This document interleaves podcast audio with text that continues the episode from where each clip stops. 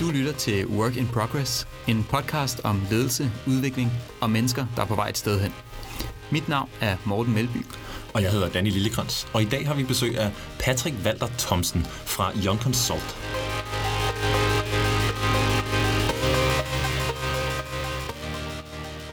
Velkommen til, Patrick. Jo, tak. Jeg er glad for, at du vil være med i vores øh, podcast i dag. Og for lige at forklare jer lytter, hvorfor I øh, skal spidse ører i dag, så er det jo fordi, at Patrick, du er øh, medstifter af virksomheden Young Consult, hvor I rådgiver virksomheder i tiltrækning og onboarding af unge medarbejdere, den her unge generation, der står over for arbejdsmarkedet netop nu. Og det synes vi er, er lidt interessant i forhold til feedback-delen, kan jeg godt afsløre. Så studerer du øh, din kandidatgrad på CBS i øh, Branding og Communications Management. Ja. Så vidt jeg kunne se, ja. Og så er du jo, udover det, en entreprenant øh, person, som både nu, kan man jo høre, øh, men også tidligere har været involveret i projekter omkring øh, startup og, og iværksætteri i forskellige øh, områder. Og, øh, og det alt sammen gør jo, at du øh, om nogen har stiftet bekendtskab med forskellige grader af feedback, går jeg ud fra. Det vi specielt gerne vil tale om i dag, det er de her unge mennesker, øh, millennials, der står over for arbejdsmarkedet nu og har gjort deres indtog, og deres krav, kan man sige, eller forventninger måske, omkring øh, feedback på en arbejdsplads. Og øh, ja, det jeg tænkte, jeg godt kunne tænke mig at spørge dig om, Patrick, det er sådan, hvad, hvad er specielt i forhold til tidligere generationer ved de her unge mennesker, sådan som du ser det?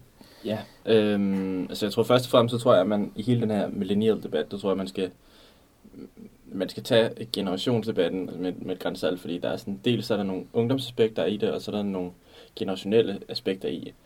Øh, vi skrev en bog her for lidt over et år siden. Mm. Øh, nej, det er lidt under et år siden. Det er også lidt ligegyldigt, ja. kan man sige. Øh, hvor vi netop tager det hele den her debat op og så siger, at det her det er relevant i, i snakken, og det her det er irrelevant i snakken. Fordi okay. at, at mange, øh, mange såkaldte eksperter inden for millennials, øh, de mener åbenbart, at det mest vigtige det er at diskutere vores musiksmag og og hvilken farve vi, vi bedst kan lide kontra vores forældre osv. Men hvor det er egentlig nogle meget basale ting, som rent faktisk er afgørende for vores generation, og det er sådan noget omkring, hvad er det for nogle, hvad er det for et kommunikationsmiddel, som er mest naturligt for os, øhm, og, øhm, og egentlig også i hvilken frekvens det nogle gange skal være hyppighed, ikke? Øhm, for eksempel med feedback, øh, fordi at man kan sige, vores, de øvrige generationer, det er jo ikke fordi, de ønsker mere eller mindre feedback, vi alle sammen ønsker at få at vide, når vi gør det skidt, når vi gør det godt. Men vores forældres generation for eksempel, de er lidt mere til den direkte face-to-face feedback, hvor vi kan måske godt øh, rent faktisk foretrække, måske er det bare foregå over en eller anden form for instant message øh, app, for eksempel som Slack eller Facebook eller så videre. Fordi det er naturligt for os at kommunikere på den måde, og det er naturligt for os at, at være øh, flere steder en gang rent mentalt, øh, okay. digitalt og, og, og, og non-digitalt kan man sige. Ikke? Ja. Hvad kan man så, hvis nu vi siger, at jeg som, øh, som leder eller organisation for de her unge medarbejdere gerne vil til gode se deres, lad os så kalde det kommunikationspræferencer. Mm. Øhm, hvad vil være relevant at kigge på der, hvis jeg skulle tilfredsstille den unge medarbejder? Jamen jeg tror først og fremmest, tror jeg, at, at der er rigtig mange organisationer, som bevæger sig mod at, at, øh, at blive mindre og mindre baseret på for eksempel mails. Mm. Øh, altså, mail, det er sådan et for vores generation, altså jeg ved ikke med jer, men vi bruger det mest til øh, at, at rent faktisk øh, invitere i kalender og øh, mødeindkaldelser. mødeindkaldelser lige præcis, ja. og dele filer.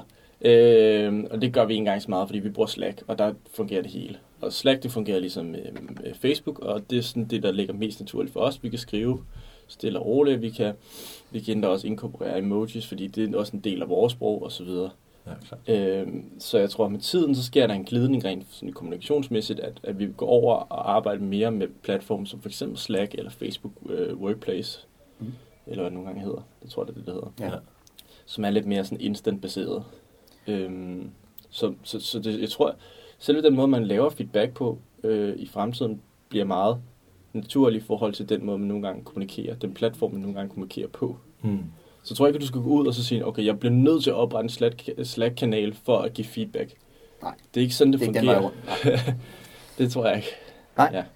Hvad, det passer måske egentlig meget godt ind i en, øh, en debat, jeg nogle gange øh, har mødt. Jeg talte med en, øh, en leder på, jeg vil gætte på 50 år her for nylig, mm. som fortalte, at øh, hun arbejdede i en virksomhed, hvor der var en blanding af, af ældre øh, kollegaer, og nu også nogle helt unge, der er studentermedhjælpere og de her juniorkonsulenter, der var nye i virksomheden. Og hun fortalte mig, at hun oplevede sådan en lidt paradoxal ting, som var, at hun hørte godt det her med, at, at de unge mennesker gerne vil have feedback og, og gerne vil have det instant, som du siger, i løbet af, af deres arbejdsdag og uge. Men når hun så satte sig ned, hendes approach til det var umiddelbart at sætte sig ned øh, med personen og tage det kvalitativt, altså fortælle nogle punkter og nogle udviklingspunkter og nogle øh, ting, de gjorde rigtig godt. Mm. Øh, og der oplevede hun ikke lige frem, at de værdsatte det. At, så hun oplevede, at de her unge mennesker følte sig utrygge i situationen. Et eller andet sted synes det var lidt ubehageligt øh, på en eller anden måde.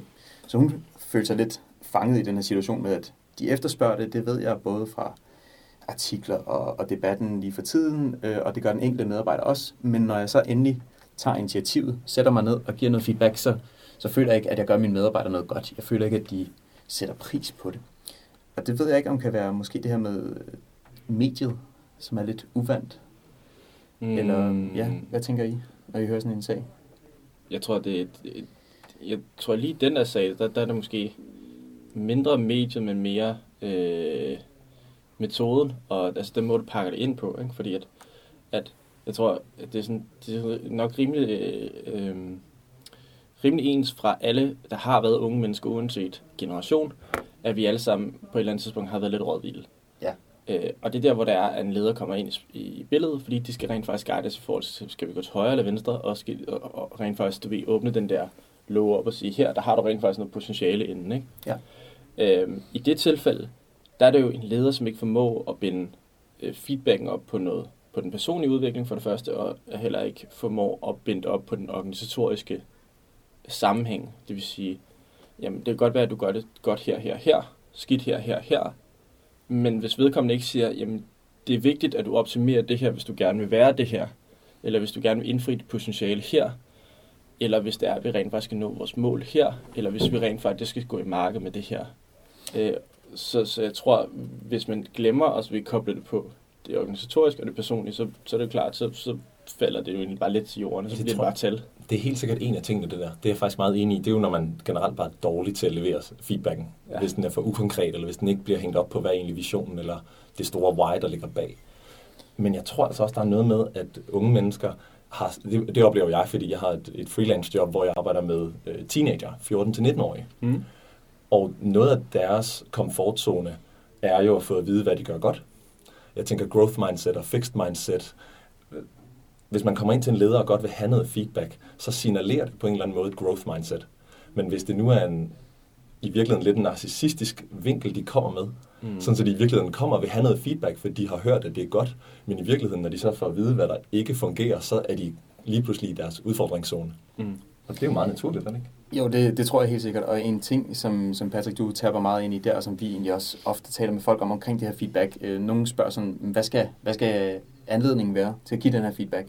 Og der kan et organisatorisk mål, hvis man siger, at det er det, vi samler om hver eneste dag, det er at nå organisationens højeste mål. Mm. Hvis man kan bringe sin feedback op på det, mm. i forhold til at levere den bedste service til vores kunder, der synes jeg, det er sindssygt godt, du gør sådan her, sådan her. Jeg kunne godt tænke mig, at du måske prøver at gøre lidt mere af det her og det her, ja. for at nå det mål. Altså det er derfor, jeg, det er derfor, jeg initierer min, min feedback. Ikke? Jeg har faktisk, jeg har faktisk ja. en ting, undskyld, jeg lige afbrød, ja. øh, fordi at en anden ting, der ligger i, det er jo også, at hvis du ikke, hvis du ikke gør feedbacken adfærds, adfærdsrelevant, det vil sige, hvis, hvis feedbacken ikke er med til at ændre adfærd eller forstærke adfærd, så er du klart, så dør den jo også. Og det er jo klart, hvis, det, hvis, hvis feedbacken så ender i bare at være en numerisk værdi frem for noget, øh, noget rent faktisk noget, der ryk, kan rykke, så er det jo klart, så dør den også. Så det vil sige, hvis vedkommende ikke kan rent faktisk binde en eller anden form for, at sige, jamen den måde, du nogle gange skal løse det på, det er det her. Og nu snakker jeg ikke, altså hvis du for eksempel var en sælger, så, og du så kigger på salgstallene, som ikke er gode nok, og, og, og feedbacken, så er du bare sælge mere. Altså, så, så, så, tror jeg, at de fleste nok vil sidde og tænke sådan, hvordan skal jeg så sælge, ikke? Mm. Jo, tak for så, det. Så, så, så, så, så, den anden del af problemet er måske også, at feedback måske ikke er adfærdsregulerende. Mm. Det, det ser vi i hvert fald tit, at det er en eller anden tolkning. Altså, så nu skal der gives noget feedback, men det bliver i sådan nogle helt generiske termer. Øh, sælgeren kunne sådan set selv have slået de der tal op og set. Og jeg, jeg må nok hellere sælge noget mere. Men hvis vi tror på det kreative menneske og det agerende menneske, så ville han nok have gjort det, hvis han vidste, hvordan han skulle gøre. Mm. Jeg tror faktisk også, øh, du nævner det her med kvalitativ og kvantitativ feedback, altså hvordan forskellen er. Og jeg ser måske nogle gange unge mennesker, lidt i den her debat, være mere vant til karakterer, øh, gradings, antal af likes og sådan noget der. Jeg tror, nogle gange, jeg har en tese, den er hjemmebrygget indtil videre, ikke øh, underbygger noget, men at unge mennesker er mere vant til den kvantitative feedback, Mm. øh, og ikke måske, apropos den situation med lederen, når man kommer ind og får nogle konkrete kvalitative råd, at det er måske en lidt uvant situation. Jeg ved godt, de studerende tit står på øh, foran Christiansborg og kræver øh, mere feedback, mindre karakter og sådan noget, men alligevel måske er mere vant til en kvantitativ form for feedback, end at sidde i den der situation, Mm. hvor at man kan mærke, at der er noget, der rammer mig lidt øh, Det tror jeg, professionelle. jeg tror faktisk, øh, jeg, jeg tror, jeg har to øh, indspark, fordi Mm. det første, det er, at jeg tror, at vi er en generation, som, som er opvokset med, med gamification. Øh, vi er, uanset køn, så er vi op, opvokset med spil, som øh, når vi rent faktisk har gjort noget godt, så får vi en level, vi får et trofæ på Playstation og alt det her, ikke? Ja. Så jeg tror, øh, altså nu, nu jeg, jeg kan godt lide at spille øh, Formel 1 på Playstation, og når det er, at man for eksempel har kørt x antal omgang, så får du sådan en eller anden trofæ. Sådan, og nu har du kørt 50 omgang. Nå, fedt. Super. Så er jeg Ja. så god, ikke? Øhm, og du ved, sådan, der er hele tiden noget jagte, og man ved, hvad, hvor, hvordan man når målet, og hvorfor man når målet. Øhm, så jeg tror, at den første del, det med, gamification, øh, er sådan mega meget vores generation. Men jeg tror faktisk egentlig, faktisk, hvis du tager vores generation versus andre generationer, så tror jeg sådan rent kvalitativt rent faktisk, vi har, fordi at vi er opvokset i et mere kreativt uddannelsessystem, er vi rent faktisk mere vant til den kvalitative feedback frem for den kvantitative, fordi i, øh, da vi lavede vores øh, research til vores bog, der var vi inde og kigge på øh, uddannelsesniveauet øh, og måden, du nogle gange er uddannet på. Øh, og, og, øh, og, og noget af det, vi fandt frem til, var, at generationerne før os, der var der færre, der rent faktisk fuldførte, øh, fuldførte hvad hedder det, deres øh, 9. klasses eksamen, fordi at dengang, der handlede det bare om, jamen altså, du skal have x antal rigtige ud af x antal spørgsmål, Ja. og hvis du ikke har det, så er du ude. Mm-hmm. Hvor vi i dag, der har vi et skolesystem, hvor er, du får karakter for, øh, for en mere blød besvarelse, for eksempel dansk, engelsk, alt det her, ikke? Øh, Og elevens modenhed og sådan nogle her ting bliver vurderet. elevens modenhed, Ja. ja, elevens, an- elevens ja. engagement. Øh, du får, øh, altså, så jeg vil sige, den selve feedbacken er jo numerisk dokumenteret, men, men alt det udenom, det er jo øh, altså yber øh, kvalitativt, fordi du får hele tiden feedback hver eneste dag af din, din øh, underviser. At, nej, du, du skal gøre lidt bedre her, du skal gøre lidt bedre her, og for at få 12, så skal du gøre det her, og du skal gøre det på den her måde. Øh, skolehjemsamtaler fra da vi var helt, helt små, og som, som på intet tidspunkt er kva- øh, kvantitativt og alt det der, ikke? Og vi får først karakter i 8. klasse og sådan nogle ting. Altså, vi er trods alt en generation, som, det kan godt være, at vi har det med gamification, men det er lidt mere privat. Men i, i uddannelsessystemet, der er vi rent faktisk mindre numerisk øh, vurderet end vores øvrige generationer. Og det er måske også noget af det, der er med til, at vi rent faktisk har så højt et uddannelsesniveau. Mm. At der er så mange, der rent faktisk når igennem 9. klasse. Ja. Fordi de rent faktisk på alle niveauer kan blive hjulpet igennem. Der er et mere sådan individuelt hensyn, eller sådan individuelle mål måske for den enkelte. Ja, og altså, det, Altså- altså, Jeg tror, det, det der gamification, det synes jeg er sindssygt spændende. Fordi det, det giver så god mening. Vi er vant til hele tiden at være involveret i et eller andet, som giver os enten et like, mm, og i, måske i virkeligheden meget, meget sjældent et dislike. mm, Og det er også det, der gør, at vi er vant til at få at vide, når noget er godt. mm, Det kan jeg da mærke fra mig selv. Jeg elsker, når folk siger, når noget er godt. Og når folk siger, at der var noget, der kunne gøres bedre, så får jeg en dårlig fornemmelse i maven. Jeg har bare lært mig selv, at den er god for mig. mm, Men jeg tror, der er rigtig... Altså gamification, hvis ledere er opmærksomme på gamification, fordi jeg tror, at der er mange 40 år op efter, som i mindre grad ikke er vant til gamification. Tænker du ikke? At, at ledere...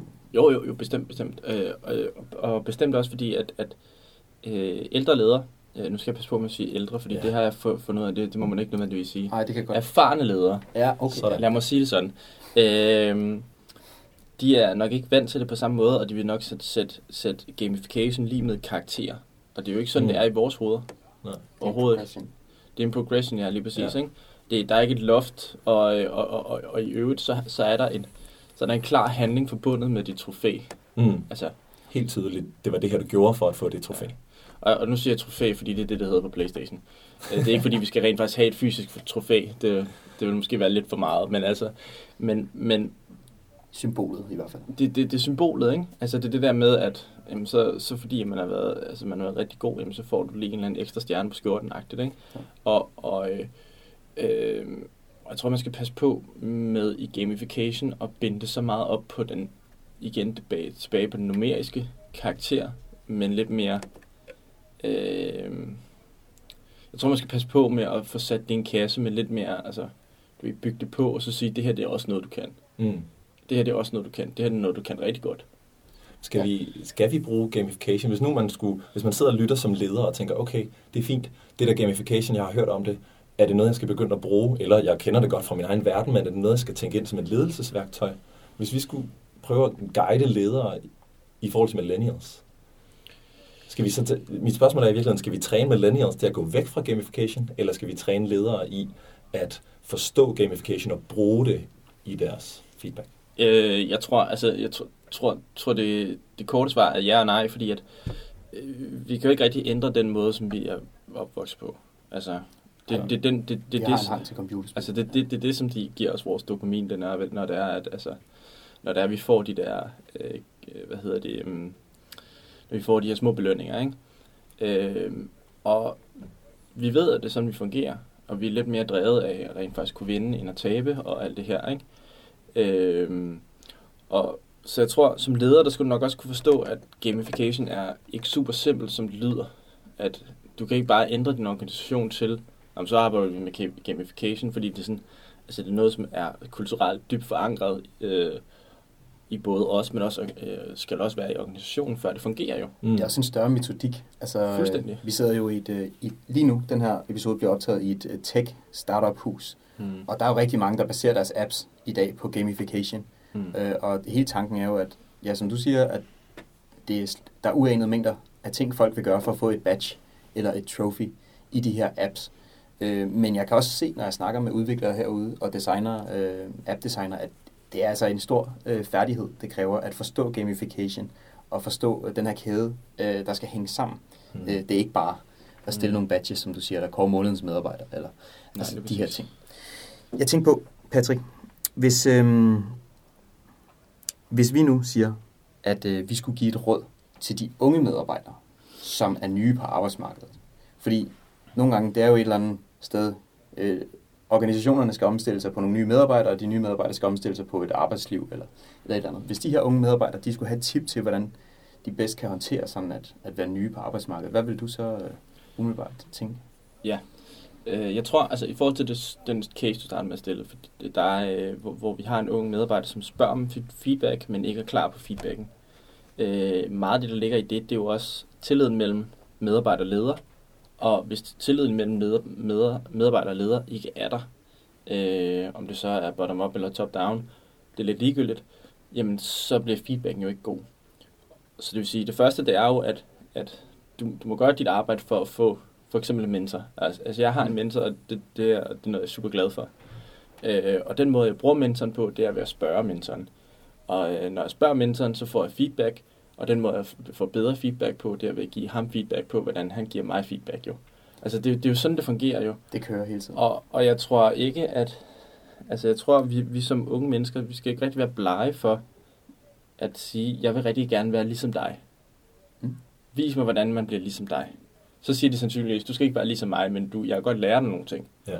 Øhm, fordi og det, det, er sådan, øh, det er sådan, jeg har fået et rigtig godt forhold til ham her, der er min mentor her. Vi, en gang imellem, sådan hver anden måned, der går vi ud og går en tur øh, rundt om øh, der omkring, hvor han bor. Og det er sådan, det bliver, sådan, nogle gange bliver det rigtig meget om arbejde, andre gange bliver det meget mere på det personlige plan. Øhm, og vi er vidt forskellige, men fungerer bare rigtig godt sammen. Og der er bare nogle enkelte ting ved hans arbejde, som jeg rigtig godt kan lide, og hans adfærd, som jeg rigtig godt kan lide. Mm. Øhm, og til at starte med, der sagde jeg så, jeg vil være, sind, jeg vil være ligesom dig. Ja. Sagde jeg til ham.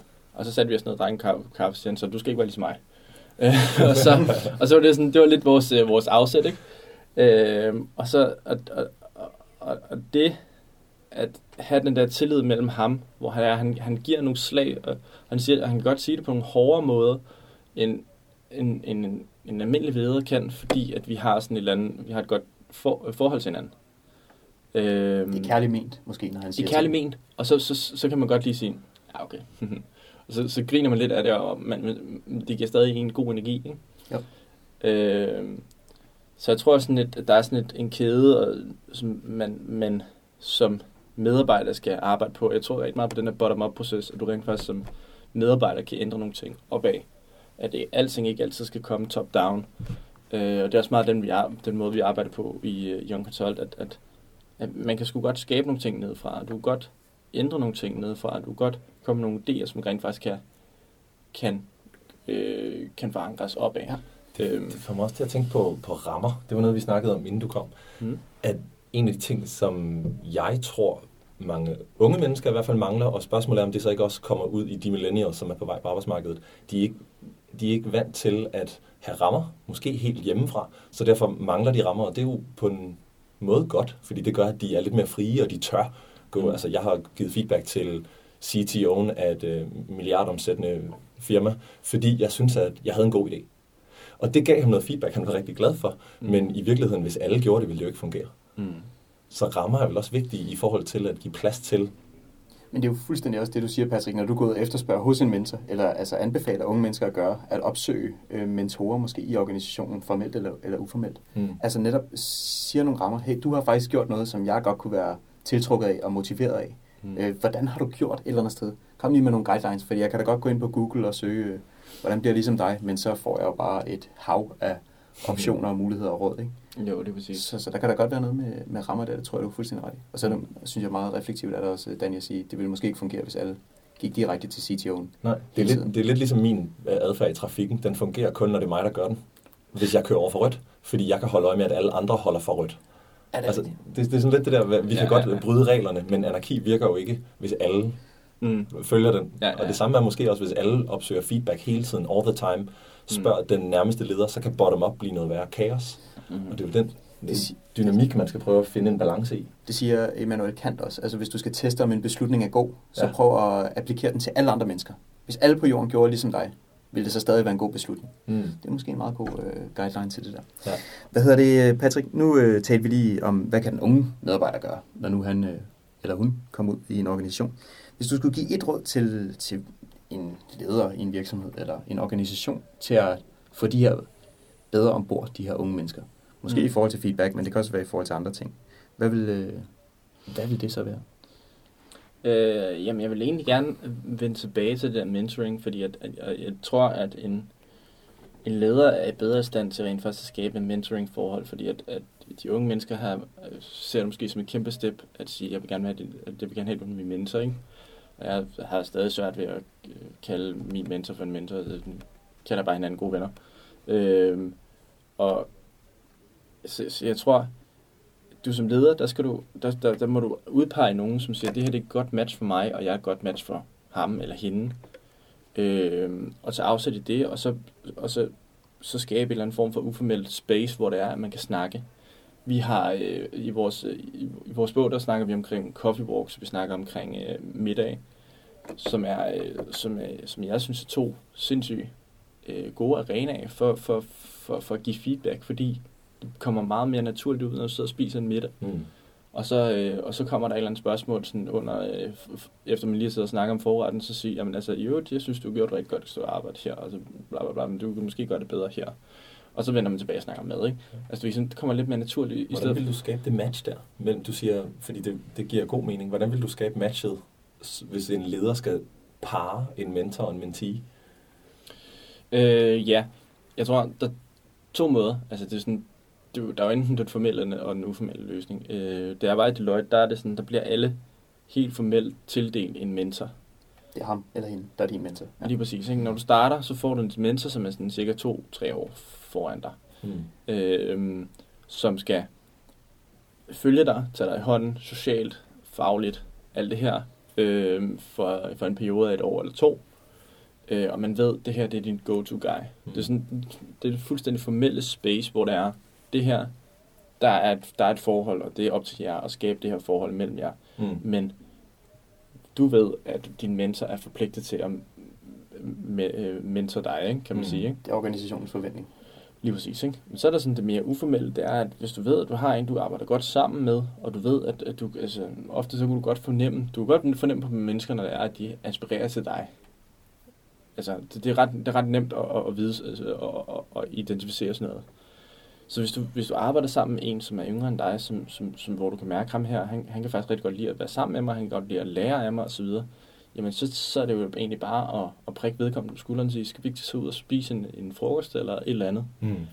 og, øh, og lade os snakke om dine karriereplaner, eller lade os snakke om dit arbejde, eller lade os snakke om dig. Altså, det er sådan nogle, sådan nogle meget simple ting, ikke? Mm. Vi, vi, vi, vi, øh, vi, skrev, øh, vi skrev blandt andet en, en sætning, som vi er rigtig glade for at, at, at hvad hedder det, Har jeg fundet på. for ytre, Ja. som, som hedder, øh, ja, det er jo kun fordi, det er jo fordi, det er mig, der har skrevet den, ikke? ja, det er klart. Men at, øh, at en middag betyder mere end 1000, øh, 1000 kroner, at vi, vi, vi er mere for, at vi kan sidde en til en med en leder, og føle, at vedkommende, det kan godt være, godt være, at vedkommende måske kun har brugt 500-600 kroner på en middag, men det, det, det føles altså bedre, end at få en lønforholdelse på 1000 kroner, mm. Fordi at man, man føler rent faktisk, at der er en personlig interesse, ja. der er en direkte feedback, og jeg kan rent faktisk også komme med feedback til vedkommende, og jeg kan rent faktisk komme med mine spørgsmål, og, og sidde og bare suge ind til mig. Ikke? Ja, ja. Altså, det er rimelig svært at suge inspiration ud af 1000 kroner, Ja, Ja, ja. det tager ikke lang tid. med, Altså- altså, mindre du er rigtig god til at formidle 1000 kroner. Præcis. Patrick, det øhm, har været en spændende snak, synes jeg, og jeg synes egentlig også, vi er kommet ret vidt omkring at få foldet det her øh, feedback-begreb lidt ud omkring ja. de her unge mennesker. Øh, så det er jeg faktisk meget glad for. Mm. Mm. Hvis nu vi siger, at, øh, og det er jo højst sandsynligt, at øh, der er nogen, der synes, det var spændende at høre om dit og, og Young Consults arbejde, hvor kan man så følge med i øh, mere, hvad I taler om? Jamen altså, øh, man kan, vi har vores eget podcast faktisk, Ja. øh, Youngster Talk, øh, som er også lidt, øh, vi er også lidt mere ved at finde formatet, men øh, lige nu der, der leger vi lidt med det. Ja. Øh, har en masse gæster forbi, øh, og du er blandt andet på en af de næste podcast. Ja, jeg har været inde og snakke. Og øh, jamen, så har vi vores hjemmeside, youngconsult.dk, vi har en LinkedIn-side, vi har en Instagram-side, en Facebook-side, og vi har faktisk også Google Plus og Twitter, men det bruger vi ikke. Nej. Så, Og hvad hedder jeres bog? og vores bog, den hedder Hashtag Youngster. Hashtag Youngster. Som Så øh, super, øh, super ungt. Øhm, ja, og så kan man jo selvfølgelig øh, connecte med mig på LinkedIn, eller nogle af mine kollegaer, som også er super skarpe. Fedt. Og det er Patrick Walter Thomsen, yes. hvis man skal finde dig på LinkedIn. Yes. Perfekt. Fedt. Jeg tager nogle, altså mine takeaways er noget med, at det handler ikke nødvendigvis om generation, men lige så meget om ungdom. Det skal vi være skarpe på. Hvad er forskellen, når vi snakker om millennials? Mm. Der er noget med, at generationen har mere brug for hyppighed på grund af den måde, vi kommunikerer sammen, og de medier, de taler via. Mm. Så hyppigheden er en anden, som også påvirker den måde, vi, vi vil have feedback på. Og gamification er lidt nyt at, at for mig i forhold til, hvor meget det påvirker den unge generation, eller den generation af millennials. Jeg synes, det har været vildt spændende at have dig på besøg. Det synes jeg også. Det er så vildt spændende at være på besøg. Det er jeg glad for. Vildt varmt, men øh, Vildt varmt. Ja, der er vildt varmt. Fedt. Ikke en hemmelighed. Men tak for i dag, Patrick. fald.